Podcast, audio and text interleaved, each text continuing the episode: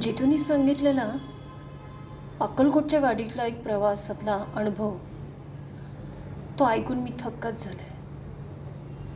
जर आपल्या इथं असं काहीच नसेल तर आपण का का अठ्ठास आणि वागतो या दुनियेमध्ये? का या जगात असं टिकून राहण्याचा प्रयत्न करतो? मरण जरी समोर आलं ते आपण धाडसाने कधीच जात नाही. नाही नाही नाही अजून थोडं जगायचं आहे मला. नाही आहे हे शाश्वत आहे मरण फक्त. मग मग कुठे अडतीये गाडी? आपलं आपलं आपलं असं म्हणतं संसारात राहायचं पण अलिप्त व्हायचं. कसं शक्य प्रत्येकाला जमतं का या गोष्टी? जमतं. जमलंच पाहिजे. जमायला यायला हवं आहे पण एक क्षणभर विचार करून बघा. एकच क्षणभर विचार करून बघा. आपण संसारामध्ये एका रथाची दोन चाकं असल्यासारखे वागतो. एक चाक खूप कष्ट करतं दुसराही चाक कष्टच करत असतं. मग दोन चाकं सेम कष्ट करत अस एक सारखेपणाने कष्ट करत असतील? तर मग आपण दोघांनाही बरोबरीचा दर्जा का देत नाही? आजही अजून अठ्ठास तिथंच येतो. खूप काही पुढे गेली आहे स्त्री. खूप चूलमूल करतेपणा समाजकरण सगळं सगळं करत करत ती पुढे गेली. पण ती एकीकरण करायचं राहिली. स्वतःसाठी जगायचं. होय.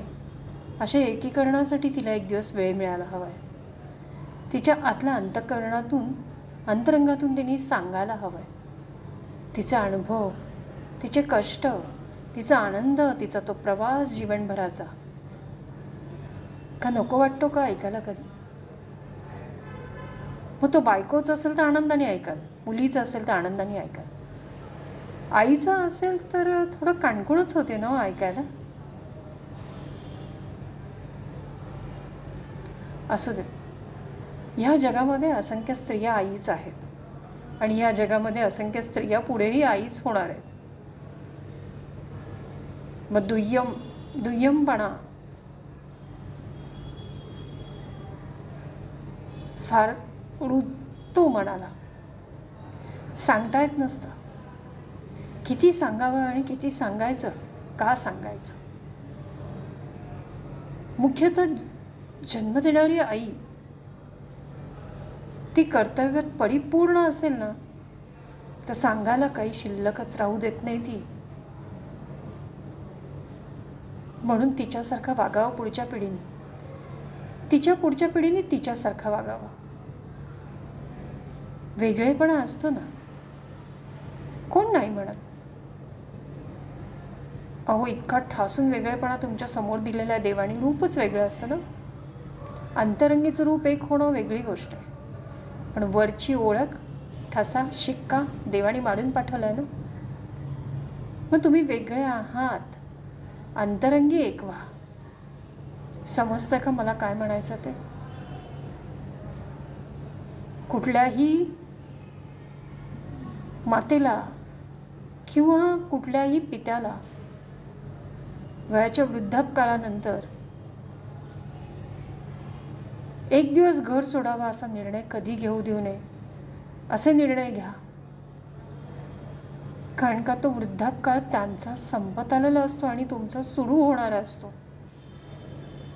क्षणभर थांबून विचार करा. हे थोडक्या दिवसात बघून निघून जातील.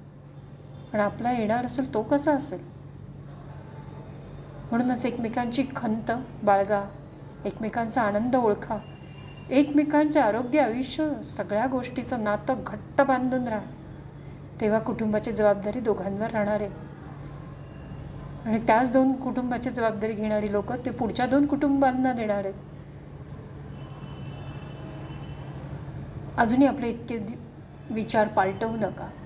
पाश्चात पाश्चात पाश्चात काय? अहो पाश्चात संस्कृतीवाल्यांनी तुमच्या संस्कृतीचे दिवस घेतलेत. त्यांनी तुमचे संस्कार घेतलेत. आणि तुम्ही काय घेत आहे पाश्चात संस्कृती फक्त लॅविश लाईफ लॅविश होम संस्कार लॅविश आहेत का हो तुमचे? चोरटेपणाचे उघडे उत्थट्ट बोलणारे. कुठल्या आविष्काराने नावाजायचं तुम्हाला? चोरखळ म्हणून? का पोरखळ वयाच्या पाचव्या वर्षापासून जबाबदारी करणारी व्यक्ती खूप वेगळी असते. वयाच्या दहाव्या वर्षात शहाणपण खूपच वेगळ्या प्रमाणात येणारी व्यक्ती खूप वेगळी असते. व वयाच्या विसाव्या वर्षी पन्नास वर्षांची जबाबदारी घेणारी व्यक्ती वेगळी असते. आणि वयाच्या पन्नासाव्या वर्षी अख्ख्या कुटुंबाची मागच्या पिढींची मधल्या पिढीची आणि पुढच्या पिढीची जबाबदारी घेऊन वागणारी व्यक्ती वेगळी असते. बघा जमतंय का काही यातलं? आणि वृद्धाश्रम भरू नका. कुटुंब आणि घरं भरा.